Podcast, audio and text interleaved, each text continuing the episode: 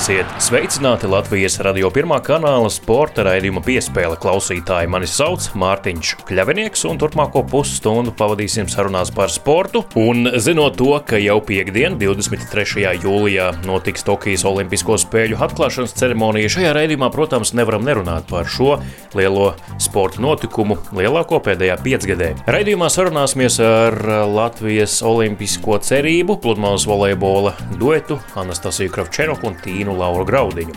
Savukārt raidījuma otrajā daļā dosimies ciemos uz Siguldu, kur Latvijas skeletona tēvs Dainis Dukurs izveidojis savu skeletona akadēmiju un tagad kopā ar bijušo braucēju Ivo Steinbergu vētīja jauno talantu prasmes un cenšas atrast nākamo dukuru vai nākamo priedulēnu. Par to visu jau pēc pavisam īsa brīža.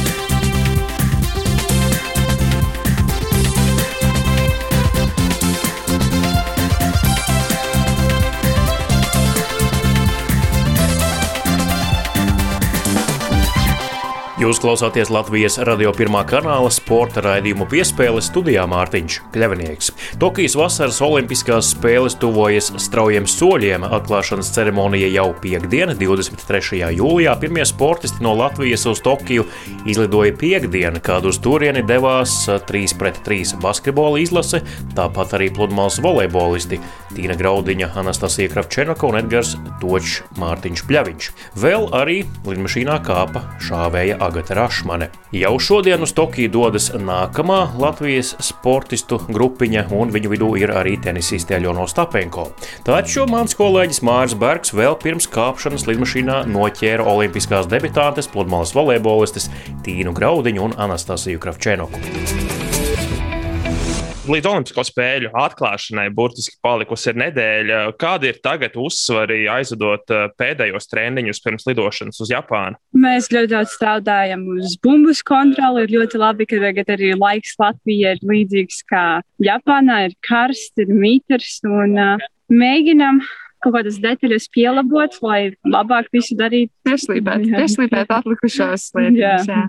Jā, nu par laikapstākļiem tieši arī gribēju jautāt. Japānas kontekstā visi zinām, Tokijā būs karsts, būs ļoti mitrs. Kā jums vispār patīk tādi laikapstākļi? Ir cilvēki, kuriem šis sūtīgais laiks galīgi neiet pie sirds. Jā, nu es laikam būšu tas, kuram varbūt ne īpaši tas patīk. Man jau arī ne īpaši patīk. Arī nē. Uh, nu, mēs tomēr esam latvieši, mēs esam pieraduši pie attiecīgiem Latvijas laikapstākļiem, bet uh, nebūs jau pirmā reize, kad mēs spēlēsim karstā laikā, tā kā tas nebūs nekas jauns. Es domāju arī, ka viena nedēļa, ko mēs būsim pirms spēlēm tur trenējoties, arī mums nāks pa labu, jo mēs pa nedēļu mēģināsim pierast pie tā karstuma un mitruma.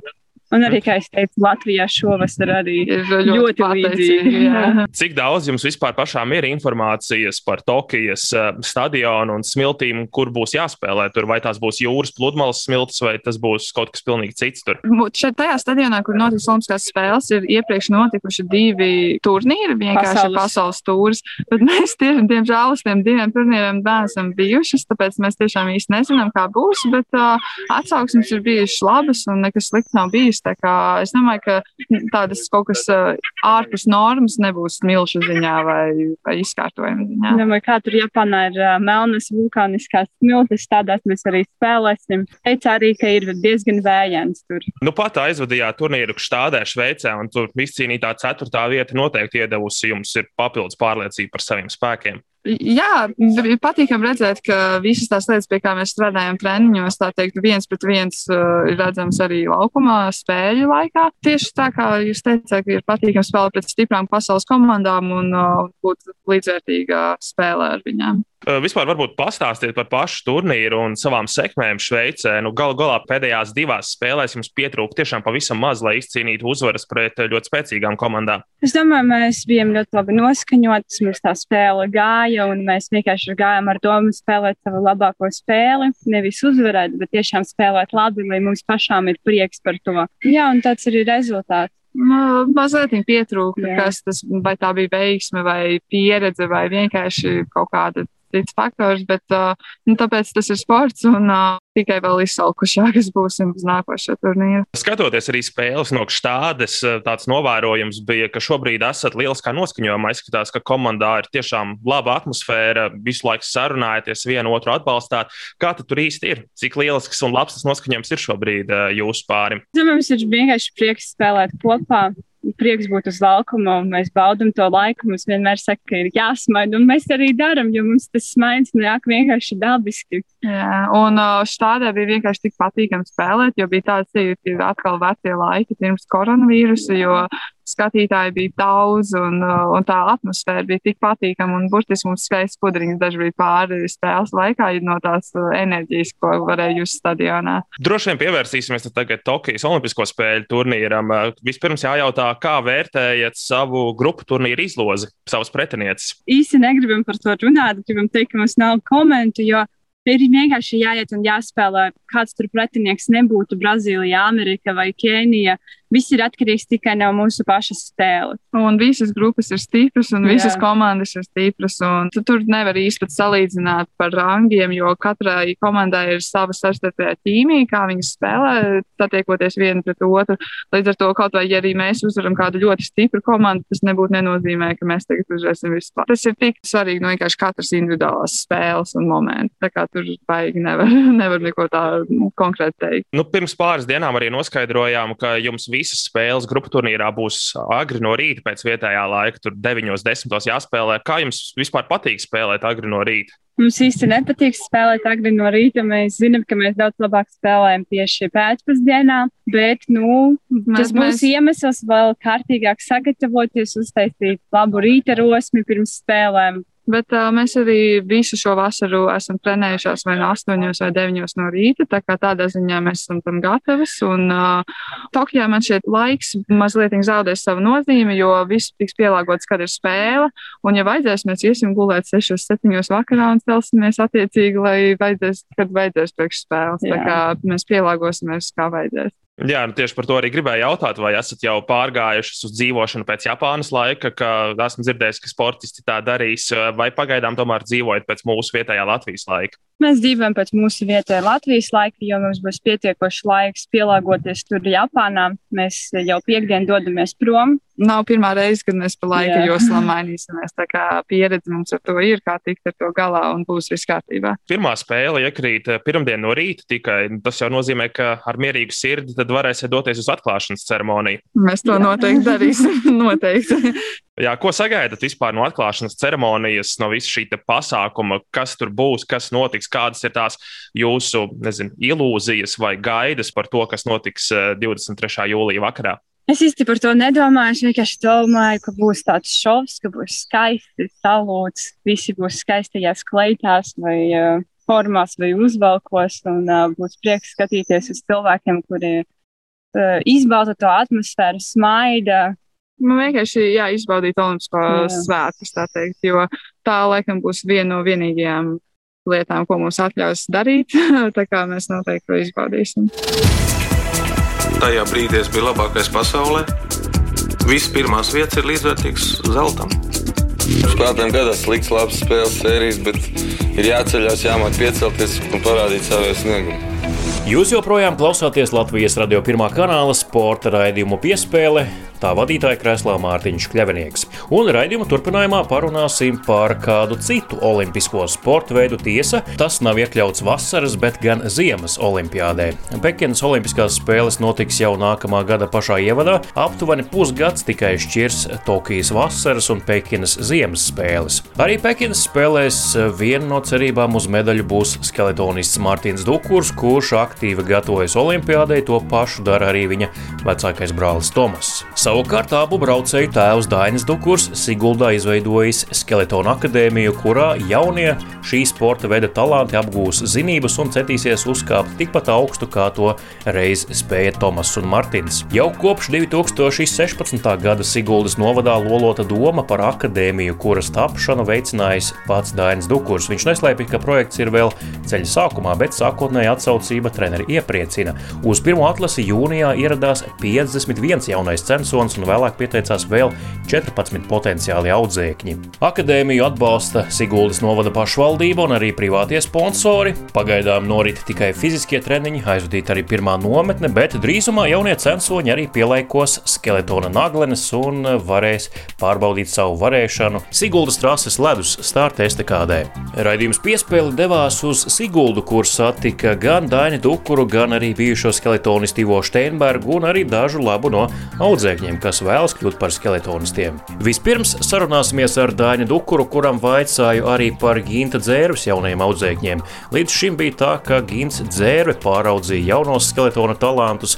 Viņam palīdzēja gan Dainis, gan arī Martins un Tomas. Tagad šīs abas puses vairs savā starpā nesadarbojas, lai gan Dainis atzīst, ka viena no Ginta dzērus audzēkņiem labprāt redzētu arī savā skeletona akadēmijā tā komanda, kas ir uh, ap gintu dzēru, skaidrs, tā ir, tā ir strādā pie viena modeļa. Sportistus tā tad, ja viņi vēlētos jūs uzņemt, vienkārši tas strādāt nedaudz citādāk pēc jūsu noteikumiem. Ja? Jā, jā, jā mēs, mēs strādājam savādāk. Ir viens sportists, ar kuriem es labprāt strādātu, tas ir Valds Smilga, kurš ir uh, perspektīvs un, un, un kurai es saskatu nākotni, bet uh, strādājot, man liekas, tajā komandā, es neredzu vairs viņam nekādu perspektīvu. Ja viņš izteiks vēlmi, Jā, es esmu gatavs, tikai tad ir jābūt nosacījumiem, ka neviens viņam netraucē un, un neliek šķēršļus, bet uh, veidosim šo jauno komandu un iesim uz priekšu. Par fizisko, ko testējāt šodien šeit Siguldā, tad, tad uh, gan viņu sprinta īpašības, gan arī um, lēcienu no vietas tālumā.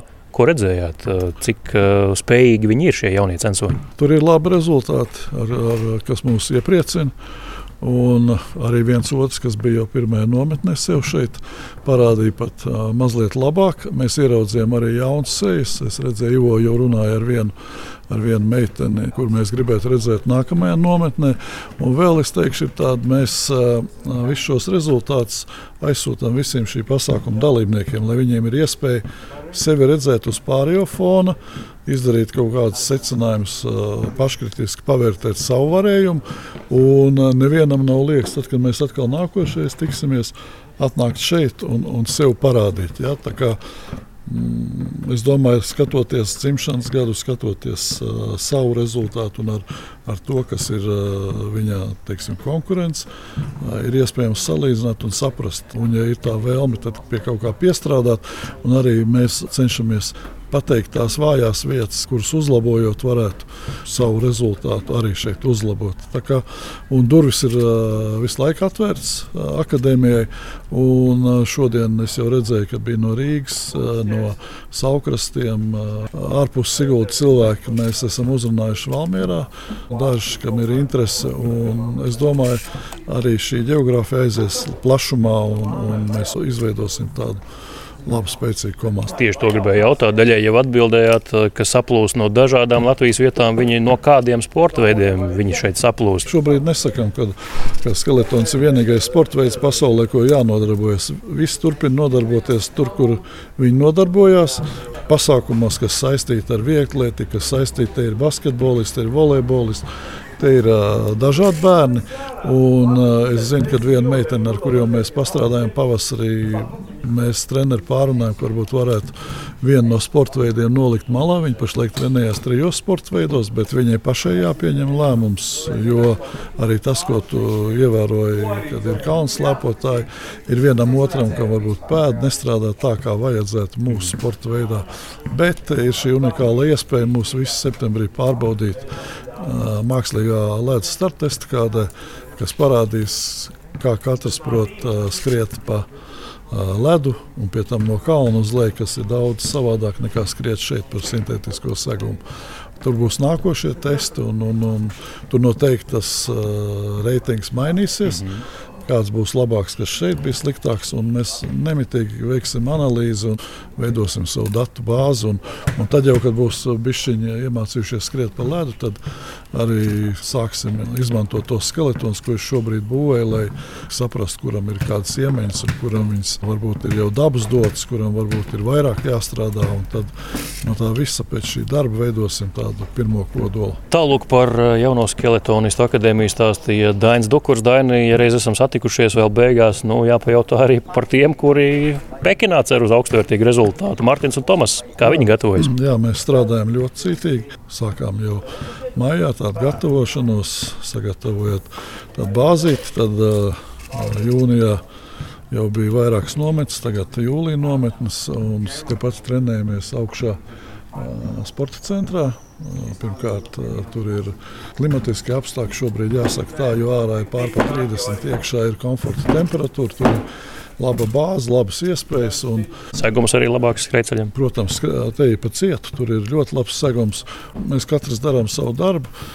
Mika atbild par fizisko sagatavotību. Es būvēju skeletons, un tūdaļ man ir tikšanās ar Martinu. Mēs jauno skeletonu esam uzsūtījuši tādas interesantas detaļas. Liepājas metāla meistarā Tomasam arī būs jauns skeletons Slidas. Gugijs Gugenbergers, kurš ir mūsu austriešu treneris mūsu komandā, viņš strādā pie slidu sagatavošanas, pie tehnoloģijām, dažādām pie pūlēšanas, pie dažādiem materiāliem. Un pirmo reizi laikam mēs arī nonāksim aerodinamiskajā caurulē un tiek Kanādā šūti individuālie tērpi. Ļoti daudz dažādas lietas mēs tā beidzot, man liekas, izdarīsim tās lietas, kas vienmēr ir pietrūkušas, gan varbūt finanses dēļ, varbūt uh, laika dēļ, bet šobrīd Vismaz ir tās domas tādas, ka mēs to visu realizēsim. Mārtiņš pirms apmēram pusotra mēneša man teica intervijā arī šeit Latvijas radio piespēlē, ka nu, nemētāsies ar tehniku, uzbūvēs vienu labu skeletonu un ar to arī brauks. Kāds ir plāns? Mēs vienmēr domājam, ka tas, ko mēs uzbūvēsim, tas būs tas jā, īstais. Tas būs īstais, bet uh, dzīve rāda savādāk. Un tad arī, kad mēs sākam braukt ar jaunu skeletu, tāpat tur ir dažādas lietas, ko mēs pielabojam un, un, un pieregulējam un, un, un mainām detaļas. Liekas, jā, mēs esam no vis tā, ko esam mēģinājuši atrast, uh, esam nonākuši pie tāda nu, gala konsensus. Tā īstā, jā, jā, pie īstā Martinam. Un arī Tomas ir pateicis, ko viņš grib. Principā Tomas to skeletonu, kurš viņam vislabāk patīk, es jau esmu sagatavojis nākošanai sezonai, bet neskatoties uz, es tomēr vēl taisu vēl vienu. Un pēc uh, Tomasa idejām un viņa rasējumiem. Un arī rāms ir gatavs šobrīd pamat detaļas. Tā kā piekdien viņas jau būs Siguldā. Un arī slīdus tiek izgatavots jauns, jo mēs projekta ietvaros, kur es būvēju šos modulāros skeletonus. Jaunatnes komandai mēs atklājām interesantas lietas, kuras mēs izmantosim arī Martina un, un, un Tomasa skeletonā. Būs arī tehnikā progress. Labi, Daina, paldies par, par šo darbu, ka ieguldāt jaunatnē un, kā saka, nepārtrauktībā arī skeletonā, tā lai pēc Mārtiņa un Tomas arī nāktu. Nākamie jaunie censoņi. Paldies par to. Un tad gaidām arī Pekinas spēles. Tur tad uh, jāpieliek tāds trakns punkts zem tās izsaukuma zīmītes. Ja? Mēs centīsimies to izdarīt. Paldies arī par uh, Latvijas radio interesi, par mēdīju interesi par mūsu darbu. Un, un es domāju arī šiem jaunajiem cilvēkiem, kam jūs palūdzāt interviju. Varbūt tā viņam nav, nav simtā interviju mūžā, varbūt viena no pirmā. Dzirdot to, ko viņi teikuši, ko jūs man atstāstījāt, man ir patīkami, ka viņi ievērojuši kaut kādu īpašu lietu mūsu darba stilā. Un, un tas nozīmē, ka varbūt arī viņu vidū aiziet šīs sarunas, un viņi sapratīs, ka šeit veidojās komanda, kurai ir mērķis, kurai ir kaut kāda ideāla un, un kas grib sasniegt augstus rezultātus. Strādāsim kopā un nezaudēt interesi, arī painteresēties, kā mums iet uz priekšu, kad mēs tiksim uz ledus un arī tāda uzmanība no jūsu puses liks arī mums būt labākiem un vairāk censties. Paldies! Paldies, Dārn! Turpināsim kopīgi strādāt! Jā, paldies! Pateikt, kurš ir pieteicies, jums, kurš man ir zvanījis. Bet tie, kas nav pieteikušies, kas nav šeit Ivo Steinbergs sarunā ar Latvijas radio sporta raidījumu piespēlē. Ivo jauno skeletonistu akadēmiju uzņem apgriezienus, pirmā nometne aizvadīta, tagad atkal viena atlase šeit pat Siguldā. Ko redzēji šodien šeit un kas tevi iepriecināja? Iepriecināja tas, ka interesi nekrītās, pienāca jaunas sejas, bija arī vecās sejas. Tātad nu, priecēja visi. Nu, varētu teikt, ka viņiem prātā iegūlies, ir, ka viņi to grib un viņus to iet. Tad, nu, grib sev visu laiku parādīt. Un mēs arī viņus piefiksējam un sākam atpazīt jau sejā. Kāda bija tā pirmā nometne? Es te parunāju ar dažu labu, kurš piedalījās. Atsauksmes ļoti labas gan par tām lekcijām saistībā ar uzturu un visiem pamatiem ar to saistītiem, ka nebija tikai nu, tas uzskatāmais. Tas ir varbūt nāk no manis tieši tas mans uzstādījums, ka tas sports nesastāv tikai no tā, ka tu atnāc uz treniņu un no viņa aizēji. Es no savas pieredzes tāpēc pieaicināju Jānu Leitu, viņš ir profesionāls uzturu speciālists, lai viņiem jau jaunībā iesēžos galvā, kā tas rezultāts veidojās. Kad tu izgulies, kad tu paēdi, kad tu domā par savu ķermeni un, un par vispārējo. Un nometni kopumā es teiktu, es teiktu, ka ļoti laba. Es biju patīkami pārsteigts par darba attieksmi. Ja sākumā viss bija nedaudz kūtri, tad uz nedēļas beigām jau bija tāda proaktīvāka, jau vairāk ieklausījās treneru padomos, kā labāk izpildīt vingrinājumus. Es arī centos katru vingrinājumu paskaidrot, kāpēc mēs to darām. Un, uh, kāds ir tas uh, gala mērķis tam katram vingrinājumam. Nu, skaidrs, ka ar Dainu esi pazīstams jau vairākus gadus, bet uh, kā šī jūsu sadarbība nobrieda un uh, droši vien jau, kad Dainis zvanīja tev, kā tas viss nonāca līdz tam, ka esam šeit šodien stadionā? Tam patiesībā ir gara vēsture jau, kad es beidzu skeletonu gaitas, tad es no tā visa pagāju malā un biju vērotājs no malas, un man arī bija darbs pašam ar sevi, paskatīties uz tām lietām, kā es viņas darīju un kur kaut kas man neizdevās un kur nogāja greizi. Kas man arī sāpēja, kad es neredzēju to pēc uzticību izteiktu. Jo teiksim, tā, mans uzskats bija, ka mums bija iedots pilnīgi viss, un pie tiem rezultātiem, pie tā ekipējuma, pie tā visa, ko mums deva, tiem rezultātiem vajadzēja būt labākiem. Un mēs ar Dainu uzturējām kontaktus. Es arī izteicu viņam savas pārdomas, un tad mums kā kaut kā sāk saskanēt viedoklis, ka tomēr tas darbs ir tik liels ieguldīts un ka to nevajadzētu atstāt novārtā. Ir jābūt turpinājumam, un tās iestrādes ir ārkārtīgi labas. Teiksim, tā ir tik tālu, cik mēs esam tikuši ar Skeletonu akadēmiju. Tad, kad mēs tiksim iekšā trasē, tad, eh, protams, sākumā tā, teiktu, tā attīstība būs eksponenciāla rezultātu ziņā tieši jaunajiem, kā viņi brauks pa trasi. Un, un, un, Jo tas, ko mēs pienesīsim, Dainis, es, Jānis Krūmiņš, Mihāls Arhīpovs, es vēl piesaistīju speciālistu Andreju Eikenu tas Mārtiņš, Tomas Dukur. Nu, tur nekurš katrs uh, jauniešu vecumā tiek pie tādas komandas uzreiz trenēties.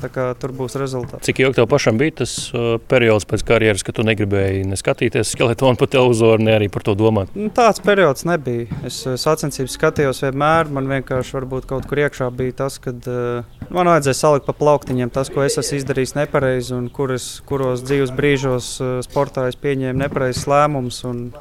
Bet tas laiks pagāja, un es teiktu, ka tagad es varu mierīgi sirdi atskatīties uz to visu un, un saprast, ka tas ir pagājis, un es esmu gatavs dot savu pienesumu citādā veidā. Jā, nu daudzkārt jau komandu sports spēlēs un veidos salīdzina, ka labākie treneri jau nav Stanley Kausa ieguvēji vai NBA čempioni, bet tie, kur ir cīnījušies, varbūt nav bijuši tajās augstākajās pozīcijās, varbūt basketbola komandā sēdējuši uz soliņa kā 12. spēlētājs, bet viņi saprot, kā šis 12. spēlētājs jūtas un kas ir jādara trenerim, lai viņš kļūtu labāks. Tā kā to šo savu pieredzi, nenovērtējumu droši vien varēs ļoti labi palīdzēt viņiem. Nu, tas ir. Es ceru, ka tā būs. Jā, un, uh, nebūs darbs tikai uz fizisko būs uzstādījums par labām sekmēm, jo tas ļoti labi atspēlējās arī uz mani. Teiksim, tā man bija iespēja, es trenēju skeletonā, man bija iespēja pabeigt universitāti. Es ieguvu bakalaura izglītību, maģistra izglītību, un tas man dzīvē ir tikai palīdzējis. Un, skaidrs, ka sports nebūs visu dzīvi, un tas būs arī mans uzstādījums. Un, Nu jā, es mēģināšu caur to savu pieredzes prizmu kaut kā palīdzēt viņiem izvairīties no sāpīgiem mirkļiem. Viņi būs neizbēgami, viņi būs tāpat, bet uh, nu, pēc iespējas mazāk un lai tie rezultāti ir labāki. Kā tevi definēt šajā projektā? Tu esi treneris, pāraugs. Kāda ir tā tā pozīcija? Cilvēks, orķestris? Multimākslinieks. ir tā, ka uh, es esmu bijis arī biznesā. Mēs ar brāli joprojām darbojamies. Tad man ir kaut kāda pieredze, kā strādāt ar cilvēkiem. Man ir pieredze, kā organizēt kaut kādus procesus. Dainis palīdz ļoti ar, ar saviem kontaktiem kas ir neizsmeļami. Es mēģinu izdarīt visu to lauku darbu, viens otram palīdzam, sarunājam, kāds ir tas virziens un, un uz to arī ejam. Puika atsūtīja īziņu, upi, tavi sapņi piepildās. Tā forma ir svarīga. Vairāk mēdījiem, skatītājiem, kā mūsu sportistiem, ir uh, cita forma. Sportiskā forma ir svarīga. Kā sarunājām, jā, nokoncentrējies te maksimāli līdz galam, maksimāli cauri. Emīls Indriksons, tad Dāvs Valdovskis, tad Kristers Armansons. Sveiki,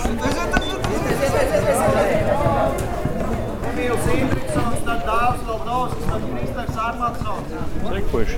Var piesaist pie jums? Mārtiņš Kļavnieks, Latvijas Rādio. Parunāsimies bišķi par skeletonu. Varbūt vispirms katrs var iepazīstināt ar sevi, kā jūs sauc un kāpēc atnācāt uz šejieni. Mani sauc Dāvis Valdovskis. Un, uh, es vienkārši vēlējos pamēģināt, man treniņš ieteica uh, atnākt uz atlasēm. Tad, nu, jā, paņēmu pirmo nometni, domāju, atnākt arī uz otro atlasu un skatīsies, vai paņems uz otro. Kur tu trenējies ikdienā? Uh, es esmu kalnu slēpotājs. Un, uh, jā, principā, nu, jā, es gribēju kaut ko jaunu izmēģināt. Mm -hmm. Kā tavs stāsts? Mani sauc Emīls, un uh, man vecāki pateica, ka ir atlase, un es uh, izdomāju piedalīties un uh, paskatīties, kā ies. Un es nodarbojos arī ar kalnu slāpošanu. Sprinta īpašības tevī varēja redzēt, skrienot. Izteikti. Tā ir tava stiprā puse šeit. Nu, man stiprā puse vispār ir uh, lekšana pašlaik. Ko jūs vispār domājat par šādu projektu? Jums ir kaut kāda tālījoša doma, ka jūs tiešām gribētu skeletonu, vienkārši atnācāt, pamēģināt savus spēkus, paskatīties uz citu fona. Kāda varbūt ir tā lielā doma tam visam apakšā, ja tāda ir? Nu, jā, kā jau teicu, man treniņš ieteica, pastāstīja par šo projektu. Es domāju, atnākt un skatīties, vai aizies. Tas jau tāds. Nu, vai man jau tas savs sports ir, un es vienkārši gribu atnākt, vasīs. Ja, ja man būs talants, ja tur būs aizies, ja būs tur uh, papildus laiks, tad gan jau es domāju, pārkārtoties kaut kā. Bet nu, tas ir tikai tad, ja būs talants un aizies. Emīls redz sev kā skeletonistu nākotnē. Pagaidīšu, kad uh, es tā kādai uzlieku ledu. Un tad jau redzēs, vai ies vai neies, vai patiks vai nepatiks. Skaidrs, ka Mārtiņš Dukurs, Tomas Dukurs, arī šīs pats Ivo Steinbergs, kurš šeit pieraksta šodien rezultātus, ir tie, kuri ir nesuši vārdu pasaulē caur skeletonu. Mārtiņš un Tomas visvairāk sekojat līdzi Mārtiņam un Tomasam. Jā, kā viņi ir? Jā, nu es, man patīk pašam skatīties šos rendas sporta veidus, um, skeletonu kamaniņus uh, un uh, bobslēdus. Tiešām sekoju līdzi un atbalstu. Un katru reizi, kad televizoru redzētu, vienmēr arī skatos. Jā, mēs arī ar ģimeni skatāmies vienmēr, kad Mārtiņš vai Tomas piedalās sacensībās un fanojam līdzi. Nu, viņi ir tādi visas Latvijas varoņi, bet Siguldā viņš šeit pat arī paši dzīvo. Satiekat kādreiz, nezinu, veikalā uz ielas, jā, kaut varbūt Jāņķirgu. Jā, nu jā. sanāk augšā tepat trenēties stadionā, tad vienmēr arī parasti vasarā ļoti bieži viņus sanāk redzēt. Man vismaz. Mm. Paskatāties no malas, ko viņi dara, kādus vingrinājumus, kāda ir tā viņu jauda spēks. Viņi ļoti, ļoti cītīgi trenējās. Tieši tagad mums bija pirmā nometne. Pavērojām augšā. Viņi tiešām ar atdevi trenējas. Vieglatlētikas treneris Siguldas sporta skolas mm. uh, Gunta Blumiņa. Ko redzat šeit? Vērts rekomendēt viņiem nākt šeit un, un pamēģināt savas spējas, tālāk varbūt ar skatu skeletonā. Es domāju, ka noteikti ir vērts to darīt, jo zināma lieta, kā Latvijā ar daudziem sporta veidiem nevar nekur tālu tikt. Un skeletons, manuprāt, tādiem jaudīgiem bērniem, kam tiešām ir griba, varēšana un spējas un arī loģiska domāšana, tā ir iespēja, kur tiešām ar sportu var izsisties tālāk pasaulē. Tad es saprotu, ka Siguldā nav tā, ka nu, treneri, dažādu sporta veidu vai disciplīnu treneri karo savā starpā par bērniem, jo es parunājos arī ar kalnu slepotājiem, arī viņiem treneri ieteikuši atnākt uz šejienu. Nu, meklē bērniem to labāko, nevis tikai sev. Es viņus trenēšu un nevienam citam nedošu. Nu, jā, man ir gluži tāpat, kā teicāt, arī par kalnu slēpošanas treneriem. Šeit viena no labākajiem skrējējiem šobrīd ir mana audzēkņa. Eh, es tikai vēlu to labāko, jo saprotu, ka ar viegli atletiku, diemžēl, Latvijā ļoti tālu nevar tikt. Un, ja skeletons ir tas, kas viņiem sanāk, tad eh, kāpēc gan ne? Un arī kalnu slēpošanā zinu, ka ir daudz talantīgu audzēkņu arī basketbolā. Man tieši ir prieks, ka treneri iedrošina, jo, ja tu zini, ka varbūt tā nav, nu, ir labi nu, savā sporta veidā, bet varbūt nav super izcila, tad uh, var atrast to vietu, kur ir izcila. Kā bija ar jūsu audzēkņiem? Pati mudinājāt, rekomendējāt, ka Dainis rīko šādu skeletonu akadēmiju, vai, vai varbūt viņi paši jau bija atraduši kāds un, un paši nāca? Nu, man ir paveicies, ka es jau esmu izaudzinājusi gan lielas un prātīgas audzēkņus. Šobrīd jau tie ir jaunākie, ir 8. klasē, un viņi paši ir sameklējuši šādu iespēju. Man tikai ir pateikuši, ka viņi vēlas, un esmu iedrošinājuši un vēl, nu, vēlējuši, lai viss sanāk. Jūs šeit esat tādi kā donori citiem sporta veidiem. Tiešām, ka nu, neviens no audzēkņiem tā nepaliek viegli lieta pēc tam, kad jau sasniedz pilngadību? Nu, gluži kā donoru es nevarētu nosaukt. Daudzi sportisti ir aizgājuši tīri tautas sportā, kas, manuprāt, arī ir ļoti labi, jo viņi sportu nav pamatoši un arī saviem bērniem ir, nu, arī manas treneris audzēkņi saviem bērniem tālāk sportu nodot kā dzīvesveidu. Piemēram, Bobslēgs arī, sauksim lietas īstajos vārdos, barojās no vieglatlētikas, nu, no, no tā paša basketbola. Nu, pa lielam vieglatlētika ir tas, no kā barojās visi, jo visiem ir zināms, ka vieglatlētika ir tas sporta veids, kas ir pamats pilnīgi visam. Un, uh, pašā vieglā kā arī grūti ir sasniegt kaut kādus panākumus, jo visi prot skriet, visi prot mest, liela, visi prot lekt. Bet, nu jā, tas ir pamats kaut kam, ko tu vari pēc tam tālāk nākotnē ieguldīt. Nu, nav tā, ka es ļoti labprāt atdodu, atdodu audzēkņus, bet pagaidām arī, cik mēs esam runājuši ar treneriem, ka tas notiks kā kopīgais darbs un trenējās gan šur, gan tur. Un, protams, ka beigās iet tur, kur sanāk vislabāk. Kam jūtiesiet līdz Tokijas Olimpiskajās spēlēs, tur arī viegli lieta. Pulciņš no Latvijas ir pietiekami papraus. Nu, varbūt nevar viņi lepoties, ka ļoti daudz ir šogad, bet tomēr uh, savs tāds nopietns skaitlis ir. Uh, jā, ja nemaldos, ir astoņi vieglatlēti. Nu, protams, visvairāk uh, pazīstami ir šķēpmetēji. Pusi no viņiem jau no tiem astoņiem. Jā, pusi no viņiem ir jāšķēpmetēji. Man liekas, ļoti forši, ka ir soļotāji tikuši, par ko es arī diezgan tā, nu, nu lai izdodas, lai, lai viss sanāk, zinot arī mūsu vēsturi Sidnejas Olimpiskajās spēlēs, varbūt tur kaut kas izdodas kā Fadejevam, kāpēc gan ne. Un, protams, fanošu par pludmales volejbolu un par, par basketbolu 3x3. Līdz ar to arī izskan šīs nedēļas sporta raidījums piespēle. To veidoju es, Mārtiņš Kļavnieks un mans kolēģis Mārs Bergs. Par labskaņu, kā vienmēr parūpējās Nora Mītspapa uz sadzirdēšanos jau pēc nedēļas.